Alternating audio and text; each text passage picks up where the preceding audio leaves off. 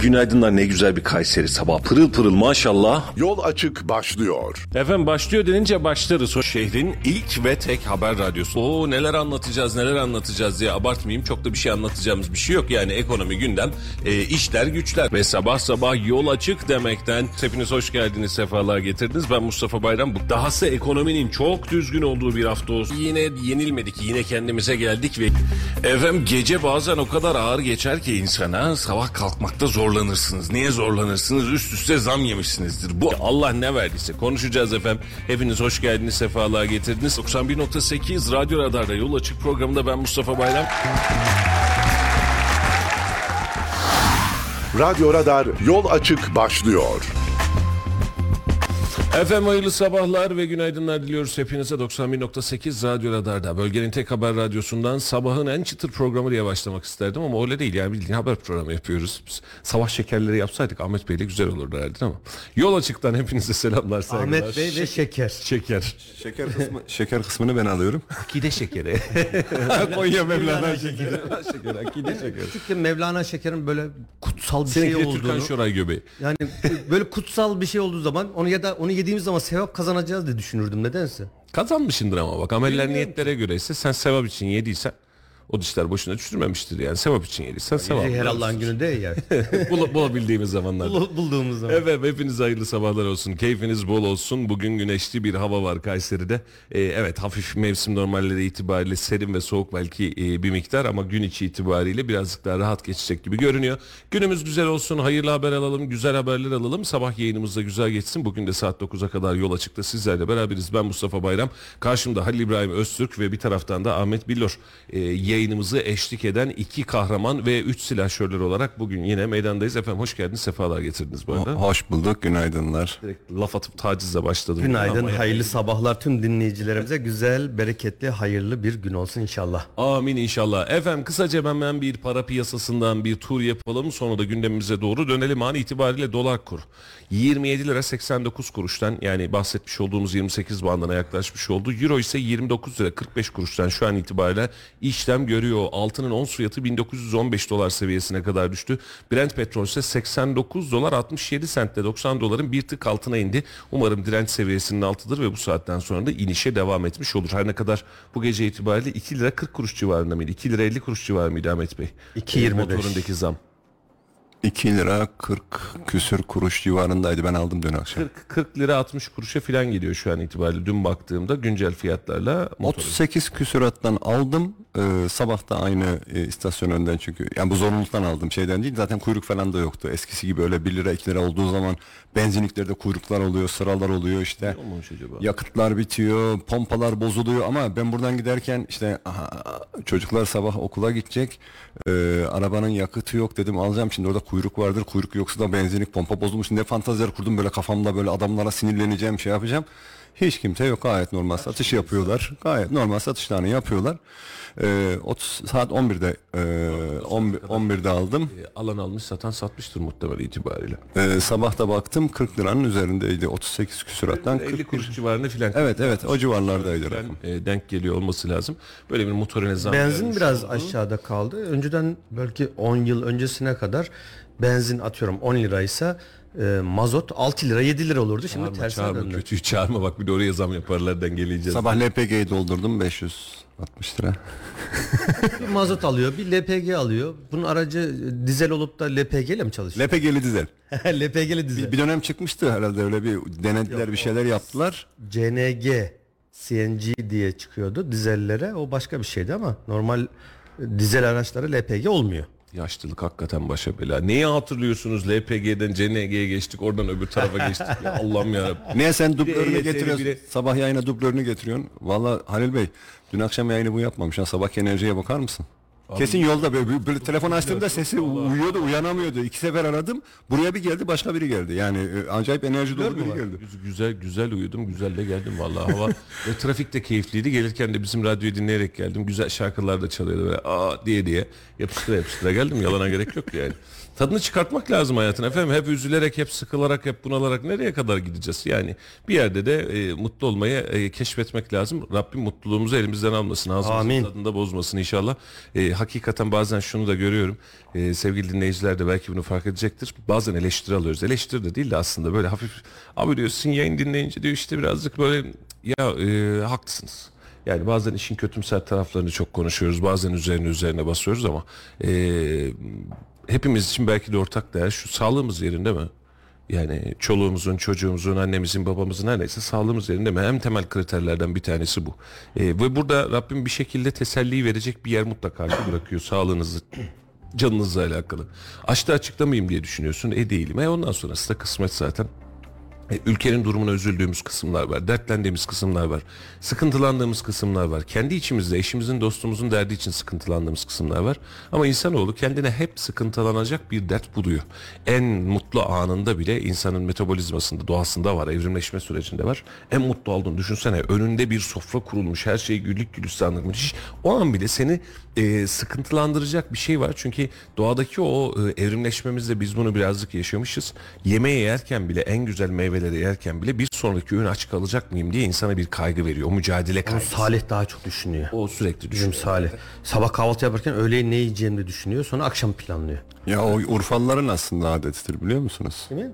Urfalıların rahmetli kayınpeder e, Urfalı. Akşam yemeğine otururuz. Yarın ne yapalım damat? Baba yemeğine oturduk. Yok onlarda öyle bir adet var. Yani bir, bir sonraki günü akşam yemeğinde mutlaka Hangi konuya gideceğiz? Adını ne diyorduk? Evet. Geldik? Urfalı'ya döndük. Evet, biz Şimdi Urfa yöresinde yapılan isot biberinin diye başlayalım biz mesele. dağıtmayalım efendim buyurun. Rabbim hakkımızda hayırlısını versin. Dün itibariyle Borsa İstanbul'da 7934 puana kadar %2.2'lik bir düşüş gerçekleşti. Yaklaşık 8400 puanlardan 8500 puanlardan düşen bir borsa var. Ee, borsa birazcık e, bazen öyle derler köpük atıyor derler. Birazcık da şu dönemi itibariyle borsada zannedersem küçük yatırımcıya karşı o yapılan çek çekin e, bir cevabı var. Yani sen parayı vermişsin halka arz almışsın 500 yatırmışsın 1000 yatırmışsın kaç yatırımcı oldu diyordun Halil sen geçen gün söylüyordun. 7 milyonu geçti. 7 milyon kişinin e, bir fiil bulunmuş olduğu bir borsa platformundan bahsediyoruz. Büyük Bu bir çok rakam. büyük bir rakam. Türkiye neredeyse borsayda yatıp borsayda kalkmaya başlamış. Bu arada tabii ki acemi çaylaklara yönelik operasyonlar da borsada çok sevilir. Yani birileri gelmiş bir yerden böyle ciddi anlamda bir taarruz var, mal yükselmiş filan.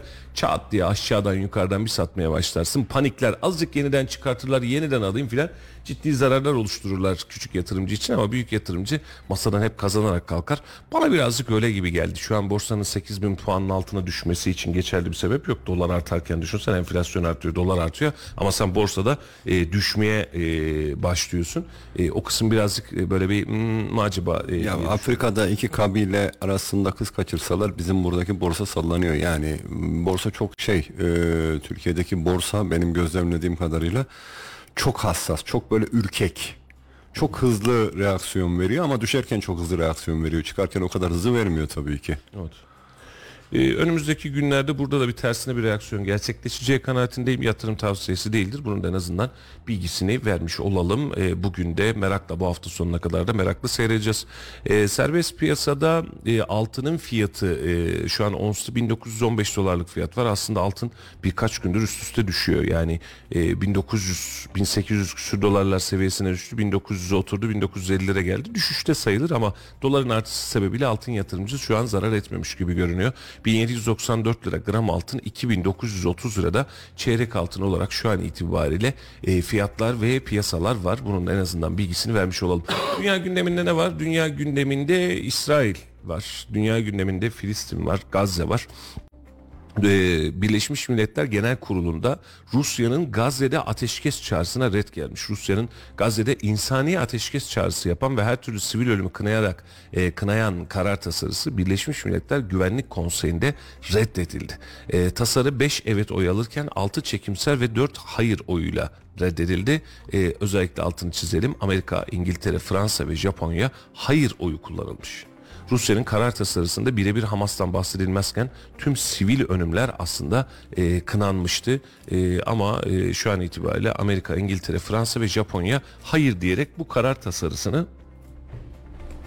Hadi Amerika, İngiltere, Fransa yanında da Japonya ne alaka? Niye hayır diyor? ya bilmem Ben onu anlamadım. yani Niye hayır diyoruz onu da ayrı. Yani şimdi insani bir ateşkesten bahsediyorsun. Yani Rusya böyle bir teklifte gelmiş. Hani bizdeki iktidar muhalefet kavgası gibi. Yani iktidar bir şey getirdiyse hayır diyeceğim. Muhalefet bir şey getirdiyse hayır diyeceğim gibi bir kıvam mı oluştu acaba? Ee, bunu e, enteresan. Ee, Birleşmiş Milletler. Genel- Kurulu'nda bir karar tasarısının onaylanabilmesi için en az 9 evet oyu olması gerekiyormuş ve daimi üyelerden hiçbirinin tasarıyı veto etmemesi gerekiyormuş. Ee, ve e, burada da e, bu katliamı durdurun ve sivil ölümler dursun kısmı birazcık e, sıkıntılandı. Dün açıklanan rakamlara göre e, Filistin'de e, sadece 700 küsür civarında çocuk ölümünden bahsediyoruz. Toplamda 2000'i geçmiş. E, 1300 civarında da İsrail'de e, İsrail tarafında o ilk yapılan saldırılar ve sonrasında ölüm gerçekleşmiş.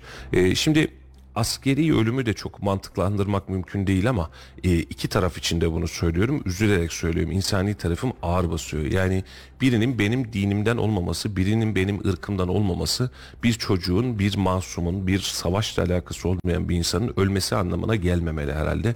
Toplamda bir bakıyorsun 1300, 2000, e, 3300, 3500 savaşın sonunda belki de 5-6 bin kişinin ölümüyle sonuçlanacak bir çatışma var.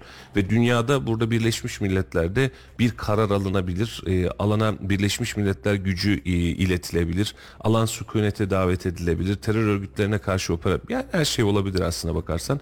Ama dünyada savaşın seyrini birazcık akışına bırakmış. Birazcık alan alsın ölen ölsün de biz ondan sonra bakarız duruma lazım olursa gibi bir kıvam var.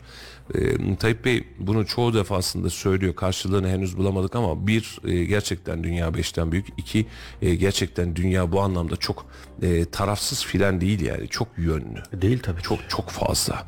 Bu meşhur karikatür dergisine yapılan saldırı vardı hatırlıyor musun? Yani biz bile gittik o zaman Ahmet Davutoğlu gitmişti yanlış hatırlamıyorsam. Ee, neydi? Fransa'daki Neydi? O meşhur bir dergi vardı. Ee, o dergiye saldırıları kınamak için biz bile gidip kol kola verip böyle güzel güzel yürümüştük. Başsağlığı dilemiştik. Şimdi gelen sonuca bakıyorsun bizde terör saldırısı oluyor. Kimsenin umurunda değil. Sendeki terör ve terörist dini bir yapılanma olmamasına rağmen PKK gibi bir gerçekle karşı karşıya kaldığında bile başsağlığını zorla iletiyor. Eğer çok büyük bir katliam falan yaşadıysan ancak o zaman iletiyor. O da böyle lütfen. Ee, hani alanda bulunayım vesaire. Bunun için çok iki yüzlü, çok e, riyakar, çok e, sadece kendi hevesleri ve kendi hırsları için e, dünyayı yöneten ve kendi hırsları doğrultusunda da karar veren bir dünya mekanizması Her oluşmuş. zaman diyoruz ya işte Batı medeniyettir. Medeniyet. Batı'nın medeniyetle uzaktan yakına alakası yok. Batı her zaman için sömürge yapmış. Yüzyıllar boyu yeni bir şey değil. Batı her zaman için kendi içerisinde kendi dini inançlarına göre birlik beraberlik içerisinde olmuşlar. Biz bunu Haçlı seferleriyle çok kendi tarihimizden biliyoruz ve bir Vatikan denen bir gerçeklik var. Papa denen bir gerçeklik var. Kendi din algısı içerisinde bir araya gelebiliyorlar. Asya'yı, Afrika'yı yüzyıllar boyunca Güney Amerika'yı sömürgeleştirmişler. Ellerinde ne varsa almışlar ve hatta hatta e, insan böyle hayvanat bahçesi, insanat bahçesi kurmuşlar. Evet. Ve çok uzak tarihler değil, 80-100 yıl öncesinden bahsediyoruz. Afrika'daki o kabileleri alıp hayvanat bahçesi resmen hayvanat bahçesi başka bir şey değil. İnsanlar oraya koyup etraftaki insanları izlettirmişler. Batı'nın zenginliği kendi üretiminden kaynaklanmıyor. Batı'nın zenginliği sömürgelerden kaynaklanıyor. Ama biz Türkler biz bunu yapmamışız. Doğruya doğru. Osmanlı hiçbir zaman sömürge e, politikası izlememiş. Cihat ve İslam'ı yayma adı altında e, bak 52 ayrı milleti e, kendi topraklarımıza katmışız. Üç kıtada. Evet. Ama bunun içinde İslamiyet'i seçen bir tane millet var. Tek bir tane. O da Bosna Hersek. Bosna Hersek'in de zaten kökeni zaten Türk. Onlar biraz da tek tanrı inancına da yakın olduklarından İslamiyet'i seçmişler. Geri kalan tamamı kendi inancında serbest kalmış. Ama Batı öyle bir şey yapmıyor. Batı elinde ne kadar zenginlik varsa, doğal zenginlik varsa, yeraltı zenginlikleri varsa hepsini alıyor. O misyonerlik faaliyetleri içerisinde dini inancını ve dilini oraya götürüyor. Bir bakıyorsun Cezayir Fransızca konuşuyor. Ya da e, ne bileyim Meksika İspanyolca konuşuyor. Arjantin İspanyolca konuşuyor. Ne alaka? Batı bunu neyle Var yapmış? farklı. Efendim? Hangi malzemeleri kullanarak yaptı Batı bunu? Silah ve inanç. İkisi de. Tarih. E tamam onu söylüyorum işte. Silah ve inanç dedin tarih başka bir şey. Yani Fransızlar bir ülkeyi işgal ettikleri zaman ya da işte onlar zaten e, o Amerika kıtasını falan ilk keşfettiklerinde oraları kendi toprakları olarak görüyorlar. Oradaki yaşayan insanları senin dediğin gibi insan olarak görmüyorlar. Tabii. Ee, bir yere gittikleri zaman tarihçilerle şeylerle e, bir yerde okumuştum. O ülkenin tarihini, geçmişini yani o ülkedeki yaşayan insanların araştırmadığı geçmişlerini ve onların atadan gelen özelliklerini araştırıyorlar. Onları onlara karşı kullanıyorlar. Tarihlerini kullanıyorlar. Yani silah tabii ayrı bir şey. Yani orayı ele geçirmek için ya da e, şey altına, kontrol altına almak için kullandıkları bir şey ama en çok yaptıkları şey Fransızların o gittikleri ülkedeki insanların işte o yazıtlarını, tarihlerini, geçmişlerini okuyorlar. Onları onlara karşı kullanarak zaten onları kontrol altında tutuyorlar. Öyle ya da böyle bir şekilde e, kendi topraklarına katıyorlar. Başındaki kişileri kendileri atıyorlar. Bak en son Nijer'de yaşadık. Artık dedi ki ben Fransızlar Fransız hegemonyasından kurtuluyorum dedi. Arkasına 3-4 tane ülke bir anda savaş ilan etmek üzereyken İsrail e, Gazze olayı ortaya çıktı. Biraz geri planda. Yani özeti şu. Batı medeni falan değil. Batı üretim yaparak büyümüş değil. Batı her zaman için kendi menfaatleri ölçüsünde her yeri yakıp yıkıp öldürmekle kendini kendine hak görüyor. E şimdi İsrail meselesinde. Şimdi İsrail dediğimiz zaman hani biz aklımıza Yahudilik falan geliyor mu? Yahudilerin arası Yahudilik bir ırktır, inanç değildir. Musevi onların genel anlamda inanç sistemleri Museviliktir. Hazreti Musa'ya inanıyorlar. Ama Yahudilerin arasında, İsrailoğulların arasında da Ortodoks Hristiyanları var. Orada bir dünya. Yahudilik aslında bir ırk bir taraftan da. Yahudilik ırk diyorum zaten. İnanç değildir, ırktır. Yani e, sadece inanç düzleminde kalmıyor. Aslı inanç bağlantı noktası. Ama sadece anne eksenliğe geçilebilen bir e, şey sistematiği var. E, Nazilerden daha beter bir ırksal sistem var onlarda. Yani kendi ari ırklarını oluşturmak üzere e, ya- yapıladıkları bir hadise var. Aslında hadise şu. e, belki e, benim gündemim aynı olduğu için hep aynı konuya geliyorum. Bu e, gücün karşısında bu devasa dünya gücünün karşısında emperyal gücün karşısında ki hakikaten devasa. Yani biz mesela Osmanlı zamanında e, dünyaya hükmederken dünya tir tir titrerken üniformalarımızı gönderdiğimizde savaşlar biterken yani hakikaten bu kadar güçlü seviyedeyken e, biz bu kadar emperyal bu kadar sömürgeci olmamışız ama güçlü olmuşuz. Allah var. Yani onların doğrusu bizim için doğru olmadığında doğru değil demişiz. Savaşı çıkartmışız ya da savaşı bitirmişiz. Şu an itibariyle bizden olmayan ya da bizim onlardan olmadığımız bir süreç var. Her ne kadar içimizdeki o Amerikan mandacıları hala ne yazık ki e, yoğun miktarda hayat bulmaya, nefes almaya da İngiliz mandacıları yoğun miktarda nefes almaya devam etse de biz kendi eylemlerimizin içerisinde Ahmet Bey biraz önce güzel bir şey söyledi. Tarihini değiştiriyor, tarihini oynuyor, buna manipüle ediyor ya. Aslında sadece tarihi değil. Mesela eğitim sistemini değiştiriyor dilini değiştiriyor. Dinini değiştiriyor. Kutsallarını değiştiriyor. Bundan 3 yıl önce 4 yıl önce de aynısını konuşuyorduk. Bir arkadaşımın çok güzel bir lafı vardı. Ee, hakikaten de tam olarak o noktaya geliyoruz. Bizim ayakta durabilmek için topluma ve dünyaya karşı ayakta durabilmek için bizim bazı değerlerimiz var. Mesela aile gibi bir değerimiz var. Bizim kendi kutsallarımız var normal şartlarda. Son 10 yıla bir dikkat edin sevgili dostlar sosyal medyayla, vırtla, zırtla, ekonomik süreçlerle, işte dizilerle, televolelerle adına ne koyarsan koy. Bize ait kutsal bırakmadık biz. Bizim kutsallarımız kalmadı. Yani mesela birisi dinle alakalı bir şey söylediğinde karşılığını söyleyebilecek. Ateizmle alakalı bir şey söylediğinde karşılığını söyleyebilecek. Milliyetçilikle alakalı bir şey söylediğinde tam karşı tezini ikna etmeye çalışabilecek. İşte Filistin'de geçen gün yaşadık. Yani Filistin diyorsun. Adamlar bir savaşın içerisinde siviller ölecek ve biz bunun içerisinde Filistin toprak sattı. Filistin yanlış yaptı. Filistin bu tarafa doğru gitti. İsrail aslında böyleydi. Tonla teori var. Ve yeni iletişim dünyası bize bir kutsal aidiyeti bırakmıyor. Yani düşünsene bir yere sığınacaksın, bir yerde toplanacaksın, bir bayrak altında, bir sancak altında toplanacaksın. Diyeceksin ki ya bu milli mesele kardeşim filan diyeceksin. Bir bakıyorsun altından 40 tane hikaye çıkıyor. Doğru yanlış bilmiyoruz. Ama hikaye var. Ve bunların her birisi bizim midemize ağrı olarak oturuyor. Ve yani e, kusuruma bakmayın hani bunu çok net söyleyeceğim. Hani şu an sosyal medyayı suçlu olan sosyal bunlar hep sosyal medyanın düzünden diyen bir medya grubu var ya hani ya da erkler grubu var ya. Ya kardeşim sabah programında milleti birbiriyle seviştiren sizsiniz. Her türlü pisliği ortaya çıkartan yine sizdiniz. Gelin kaynana programı yapacağım diye milletin orasını burasını açıp servis eden yine sizdiniz. Hiçbirimizin duymadığı entrikalı hadiseleri medya yüzüne ekrana çıkaran yine sizdiniz. Hala devam ediyor. Hala, evet. Ve yıllarca bizi yemediler mi ya? Gelin kaynana programlarını bir hatırlasanız Allah aşkına ya biz neler yaşadık abi. Biz neler neler yaşadık. Ve bunları sadece reyting uğruna ya da bozma uğruna, yozlaştırma uğruna yıllara sahip servis eden yine sizdiniz be abim. Ve şimdi dönüyorsun mesela sosyal ya hayır sosyal medya değil. Biz baştan bu tarafa toplu halde bir saldırı altındayız. Ve bugün geldiğimiz noktada işte İsrail'den bahsediyoruz. Dün Amerika'dan bahsediyorduk. Rahip Brunson'da Amerika'dan bahsediyorduk. Zorlanıyoruz. Büyükelçinin öldürülmesinde Rusya'dan bahsediyoruz.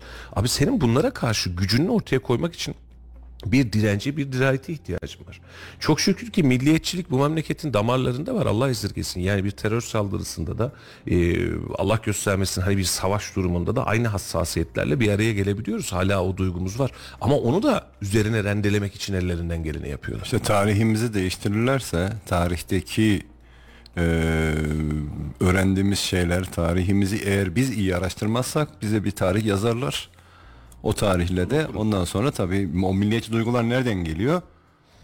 Geçmişten geliyor değil mi? Yani geçmişi anlattıkları zaman geçmişin hikayeleri, geçmişin olaylarını duyduğun zaman sen gururlanıyorsun. İşte Osmanlı'da şöyleydik, böyleydik, Türkler böyleydi.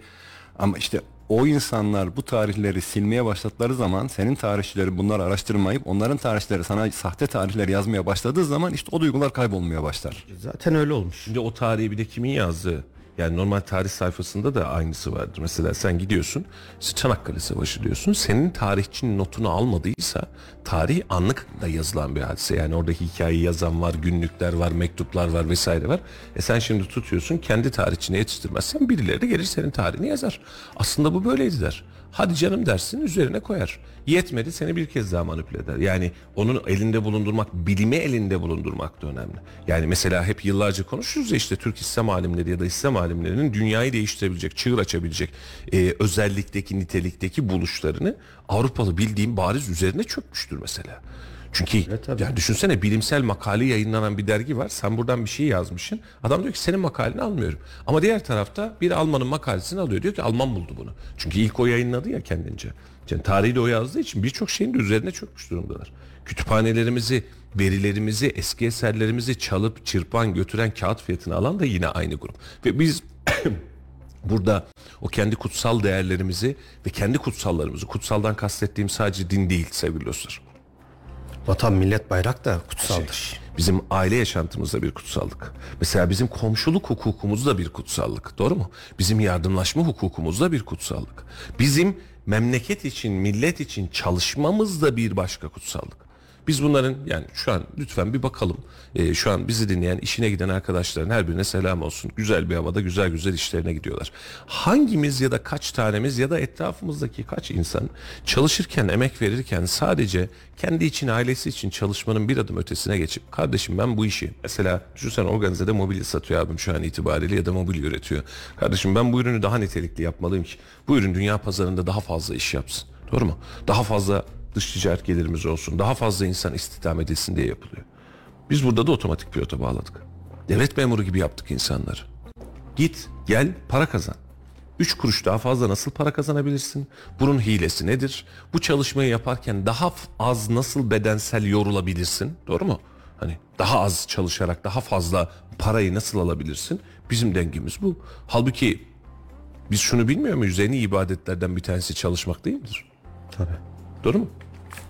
Güzel çalışacaksın, iyi üreteceksin, daha fazla çalışacaksın. Bunu yaparken sadece para kazanmayı, bu parayla daha ne yapabilirin de hesabını yapacaksın. Ya iki kişiye daha dokunabiliyor muyum? Batarını en çok seven işini en iyi yapandır. Heh. Şimdi e, bu kısımları da yedik milletin elinden. Yaşamıyor muyuz Hacıcığım? Ben sen iş ilanları bizim işler radarla ilgileniyorsun işte. Yani şimdi bir sürü iş ilanı var, insanlar aranıyor, bulunuyor vesaire. Şimdi çalışan şöyle diyor. Kaçta maaş veriyorlar? Servisi var mı? İşte çalışma saatleri kaç? İş ağır mı? Ramazan'da iaşe verecekler mi? Ya özlük hakları tamam. Şimdi bir yerde insanlar özlük haklarını almak için tabii ki bu soruları soracaklar. Ama şimdi sonuçta bir anlaşma yapmışsın. 10 lira, 20 lira, 5 lira hiç fark etmez. Bir sözleşme, bir anlaşma yaptıktan sonra sen o anlaşmanın şartlarına patronun uymasını bekliyorsun ama sen ne kadar uyuyorsun? Evet. Yani saat dört buçuk olduğu zaman yavaş yavaş toparlanmaya mı başlıyorsun saat beşte mesain bitecek? Bu çok önemli. Yoksa saat beş dediği zaman işini bırakıp ondan sonra hazırlan, hazırlığına mı geçiyorsun? Ahmet Beyciğim bir de burada şöyle bir hadise var. Mesela düşünsene bugün iş yerinde, kendi iş yerinde ve kendi işin dahil olsa geçerli. Bak bu yanlış anlama. Bir yerde çalışıyorsan riskin, emanetin daha da fazla büyük. Yani onun helallik kısmı daha da büyük. Çalışıyorsun, günün yarısında lak lak da aman ele gele gidiyor diye seçiyorsun. Sebep ne? İşte patron sana iyi bakmamış, maaşına zam vermemiş, olmuş bu olmuş vesaire. Bir sebebim var ya da evden bir sebebim var. Sıkıntı değil.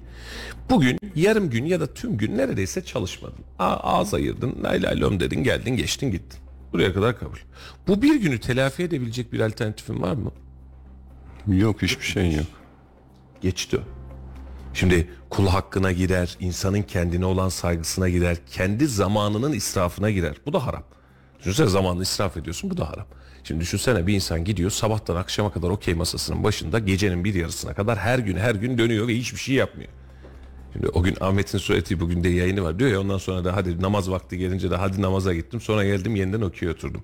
Kıl namazın ona bir itirazım yok o senin Allah'la arandaki hadise ama Rabbimin sana vermiş olduğu ömrü israf ettin mi orada? Hani bir eğlencelik bir havadan bahsetmiyorum. Gidelim bir saat kafamızı dağıtalım, iki saat kafamıza. Sabahtan akşama kadar her gün, her gün, her gün e, zamanında israf.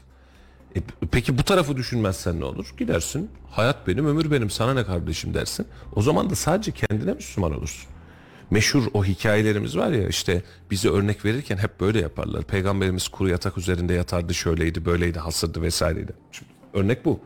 Ya iyi de kardeşim senin o bahsetmiş olduğun peygamberin e, neredeyse bulunmadığı cephe yok. Doğru mu?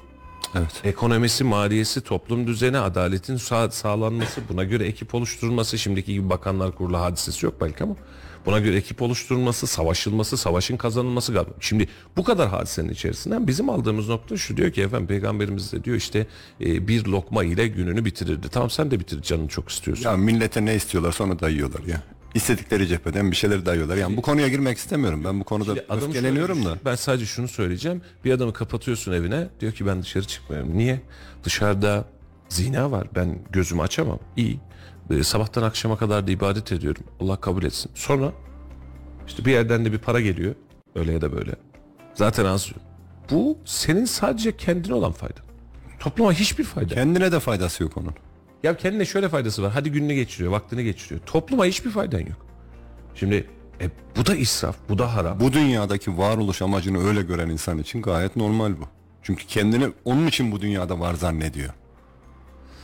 Bunun için de bizim yine aynı yere geleceğim. Kend, başta kendimizden başlayarak öyle global şeyler falan düşünmeye gerek yok ha. Yani siyaseti şöyle değiştiririm, hükümeti böyle yaparız, bundan sonra böyle olacak, milli eğitim. Bak bundan bahsetmiyorum. Sadece her birimiz işimizi doğru yapsak, hakkını versek, memleket çok değil. Bak bugün itibariyle bu 88 milyon insan ben işimi bundan önümüzdeki bir yıl boyunca doğru düzgün yapacağım zamanımın hakkını tam anlamıyla vereceğim dese herhalde bir yılın içerisinde 10 yıllık 20 yıllık mesafe alırız. Almaz mıyız? Çok ciddi bir ivmelenme kazanırız. Ve biz bu sebepleri hep şöyle atıyoruz. Efendim bizim ülkemizde yönetici şöyle. Bizim belediye, bizim şuramız böyle. Ya bir de bir, bir taraftan da bir kendine baksana. Şimdi biz gazeteci kimliğimizde kendimizi, o programcı kimliğimizde eleştiriyoruz. Politikaları eleştiriyoruz. Bu böyle yapılmalı diyoruz tamam? Bildiğimizi söylemeye çalışıyoruz ama temelde hep geldiğimiz nokta bu. İnsanı değiştirirsek, e, mayayı değiştirirsek, malzemeyi değiştirirsek bu zaman şekil de değişecek. O zaman seçtiğin insanın vasfı da değişecek. Mesela çalsın ama e, çalışıyor demekten vazgeçeceksin. Çalıyorsa çalıyordur nokta çalmayacaksın kardeşim diyeceksin. Bunun hukuki dayanaklarını baştan sona düşünsene tüm mekanizmalarda arayacaksın.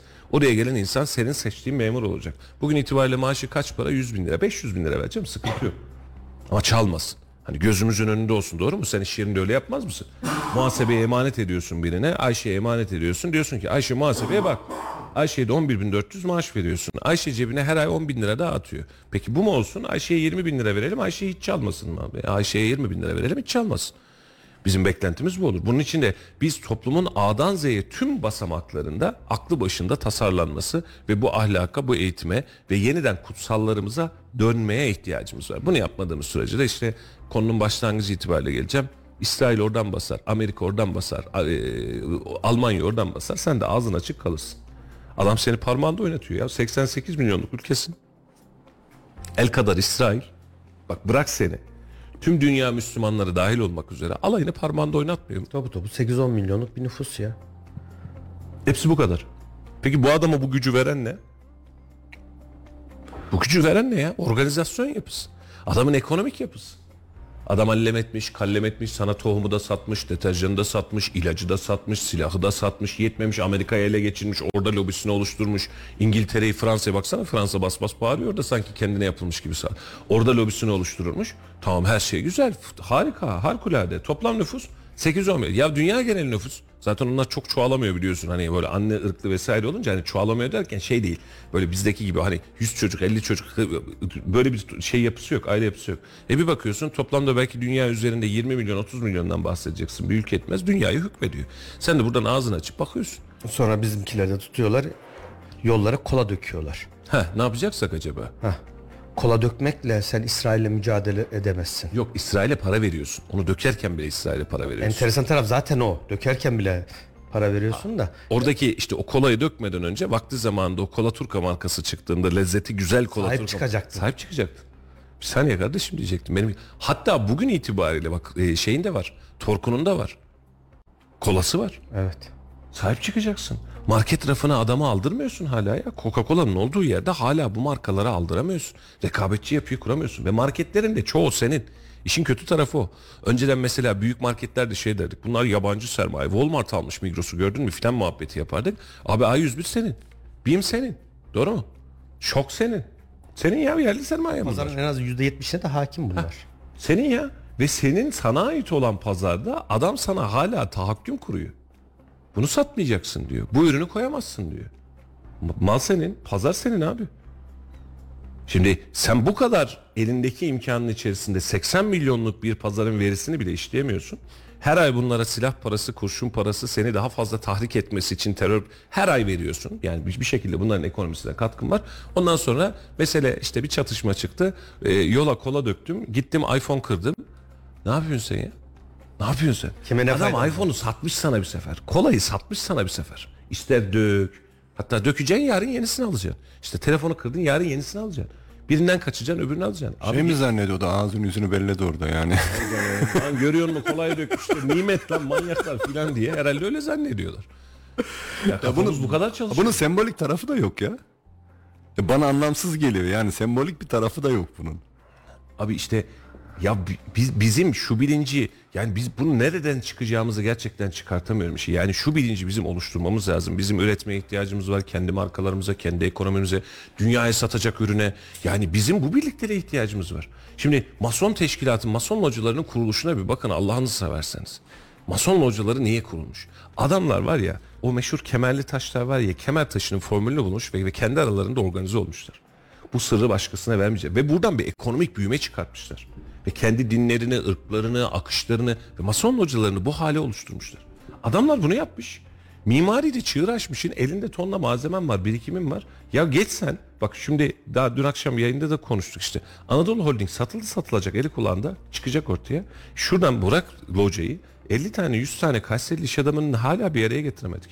Kardeşim dur bakayım ya bu Anadolu Holding'i biz alak kaçı kaç kuruşmuş bunu filan dedirtemedik. Siyaseti hareketlendiremedik.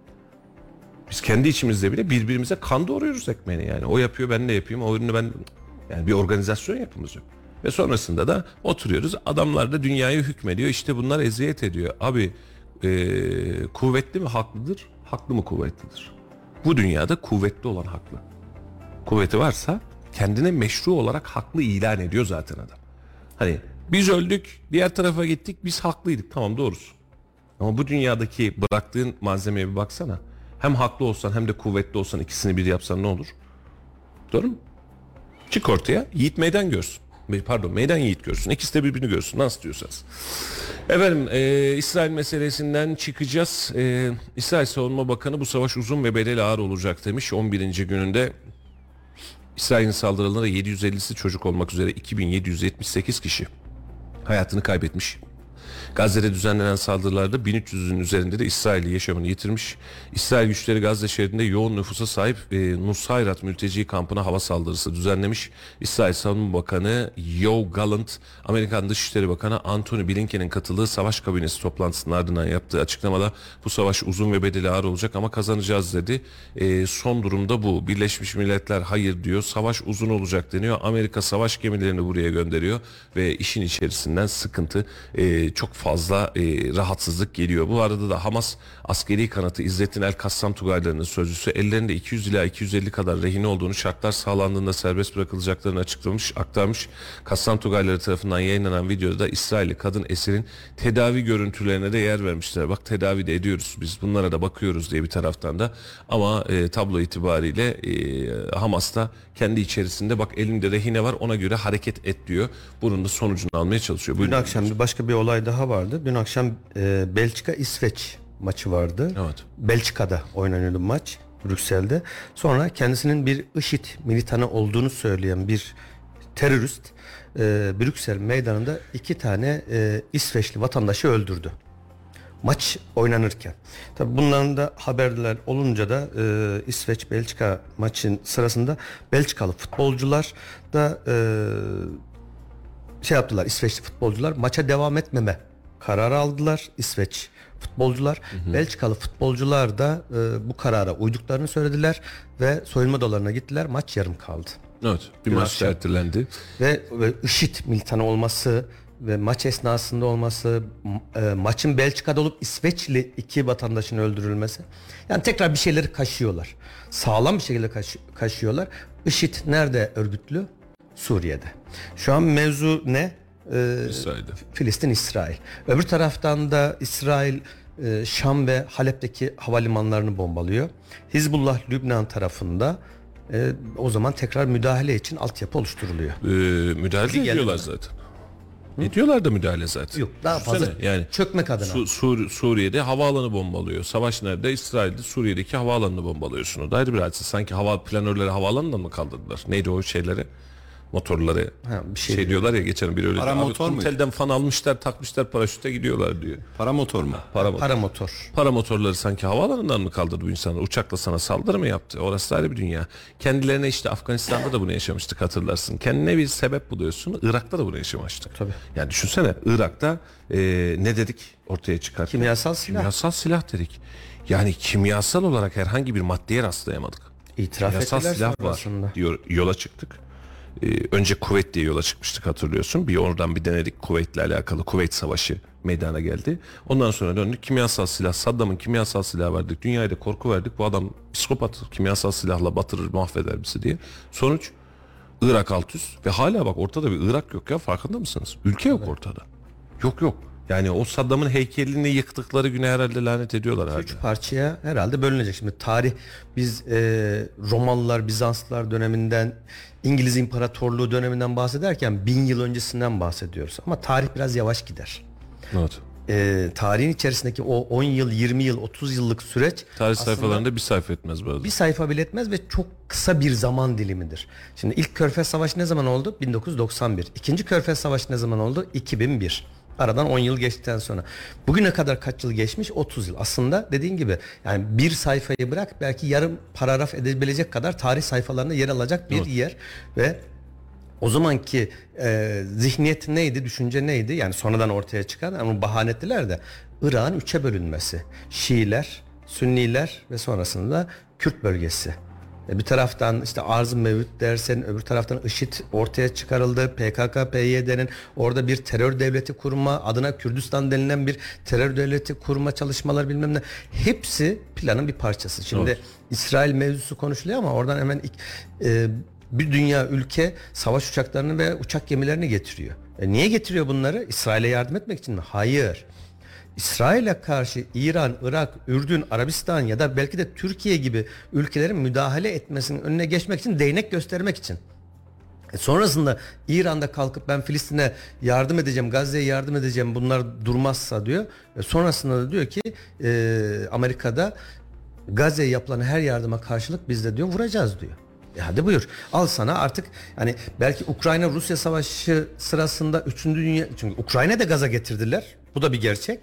Üçüncü Dünya Savaşı gibi bir savaş çıkarma niyetleri istedikleri gibi olmayınca öbür taraftan şimdi İran Suriye üzerine asıl hedef ben sana söyleyeyim Filistin Filistin değil asıl hedef İran. İran'a karşı bir müdahale. Çünkü İran öyle bir noktada ki olay sadece yeraltı zenginliklerine ibaret değil. İran aynı zamanda Rusya ve aynı zamanda Çin'le inanılmaz bir dengesi ve dostluğu var. Dünyaya açılan pencereler bir anlamda orta nokta. Sen şimdi İran'da onlardan uzaklaştırırsan ne oluyor? Rusya ve Çin bir anlamda yalnız kalacak. Aslında işin e, büyük resmi çok daha farklı. Valla e, resmi çizmişler aga biz sadece boyanın bir parçası olmaya devam ediyoruz ve e, tablo da böyle devam ediyor. İzleyecek miyiz Kola bu filmi yoksa mı? içinde mi olacağız? Bu da zaman Türkiye gösterecek. olarak mı? Evet, Türkiye olarak. Valla e, savaş büyürse dünya içinde. Savaş büyümezse Türkiye seyirci. Yani şu an e, geçen gün Fazıl Say mı söylüyordu aynı hadiseyi? Fazıl Say. E, Cumhurbaşkanı diyor yani ben belki, şu an eleştiri oklarına geleceğim ama en doğrusal mesajı verdi, en doğru mesajı verdi diye. Evet. Şimdi biz Ukrayna Savaşı'nda da benzeri bir durumu yakalamıştık. E, orta yerde ve doğru bir noktada kalmıştık. Şimdi burada doğru bir noktadayız ama e, bu doğru nokta işte mesela sana ne kadar nüfuz edecek, seni ne kadar etkileyecek? Bu iş sadece İsrail, Filistin arasında kalacaksa e, zaten yıllardır devam eden bir hadise der geçersin. Hani en fazla hani yok ki sayamazsın yani üzülmeden edemezsin yardım etmeye ama bu bu bu. bu. E, ama işte e, İran'a da sıçrar mı? Suriye'de yeniden işin içine dahil edilir mi? E, Suriye yeniden işin içine dahil edilirsen oradaki yıllardır emelin belli. E, Rusya'da ben buradayım diyemeyecek mi? Diyecek. İran işin içine katarsan başka bir düzlem oluşmayacak mı? Oluşacak. E, bilmiyorum. İl, ilginç bir bataklığa Ve doğru öbür taraftan da şimdi Gazze e, İsrail için çok daha önemli. Batı Şeria'da normalde toprak olarak daha fazla. Ama Gazze dediğin yer küçücük bir alan. Yani bizim Argıncık kadar bir yer. Öyle düşün. Ve orada da 2 milyon kişi yaşıyor. 2 milyon dünyanın Argıncık kadar. Tabii tabii metrekare anlamında ve dünyada e, metrekareye düşen insan sayısı olarak en kalabalık yerleşim yeri. Gazze şu an 2 milyon. İsrail ne diyor? E, Sina çölüne doğru diyor kapıları açın oradan gidin. Çöllerde diyor biz size diyor yaşam alanları oluştururuz, e, barınaklar yaparız, suyunuzu elektriğinizi diyor sağlarız. Gidin diyor. Gazze'yi bize bırakın. Şimdi Gazze'yi bize bırakın dediği yer o küçücük toprak alanında niye böyle bir şey söylüyor? Bir, asıl hedef başka da birincisi orada Batı Şeria ile bağlantılarını koparmak. Oradaki Filistinlerden kurtulmak ama çok daha önemli bir mesele var. Ee, deniz kıta sahanlığı içerisinde Gazze'nin önemi çok fazla. Yani oradaki kendi alan içerisindeki deniz sahanlığında o kadar çok doğal gaz ve petrol yatakları var ki o bölgede. İsrail kendi sahili, kıyı şeridi içerisindeki hani Navtex ilan ediliyor ya orada araştırma yapacağı yer dar. Asıl Gazze'nin açıklarında. Ve oraya da müdahale edemiyor. Niye? Onun toprağı sayılıyor bir anlamda.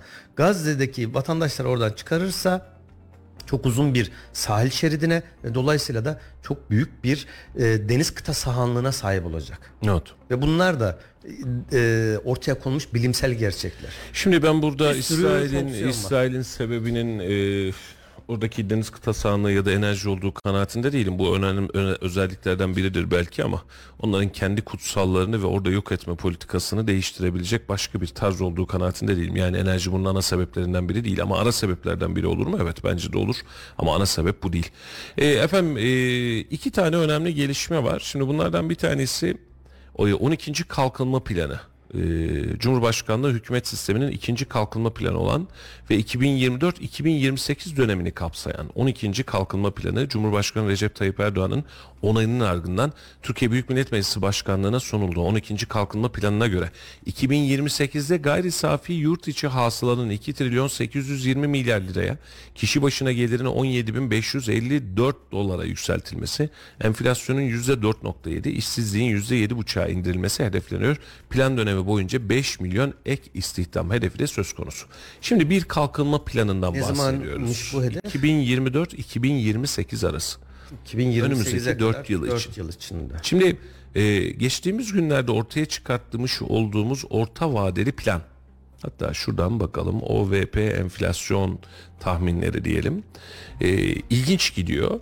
2023 sonunda yüzde 65 şu an itibariyle şuradan da evet şurada var şuradan göreyim daha rahat anlatacağım.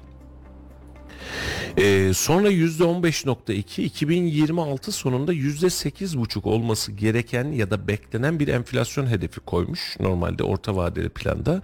Tamam buna da birbirine de örtüşüyor.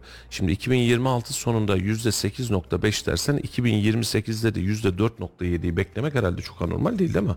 Yani bu, bu düşürmeyi yaparsan orada da düşürürsün zaten bir o kadar daha yarı yarıya. Valla rakamlar havada uçuşuyor. Çok gerçekçi değil ya. Yani bana gerçekçi gelmiyor açıkçası.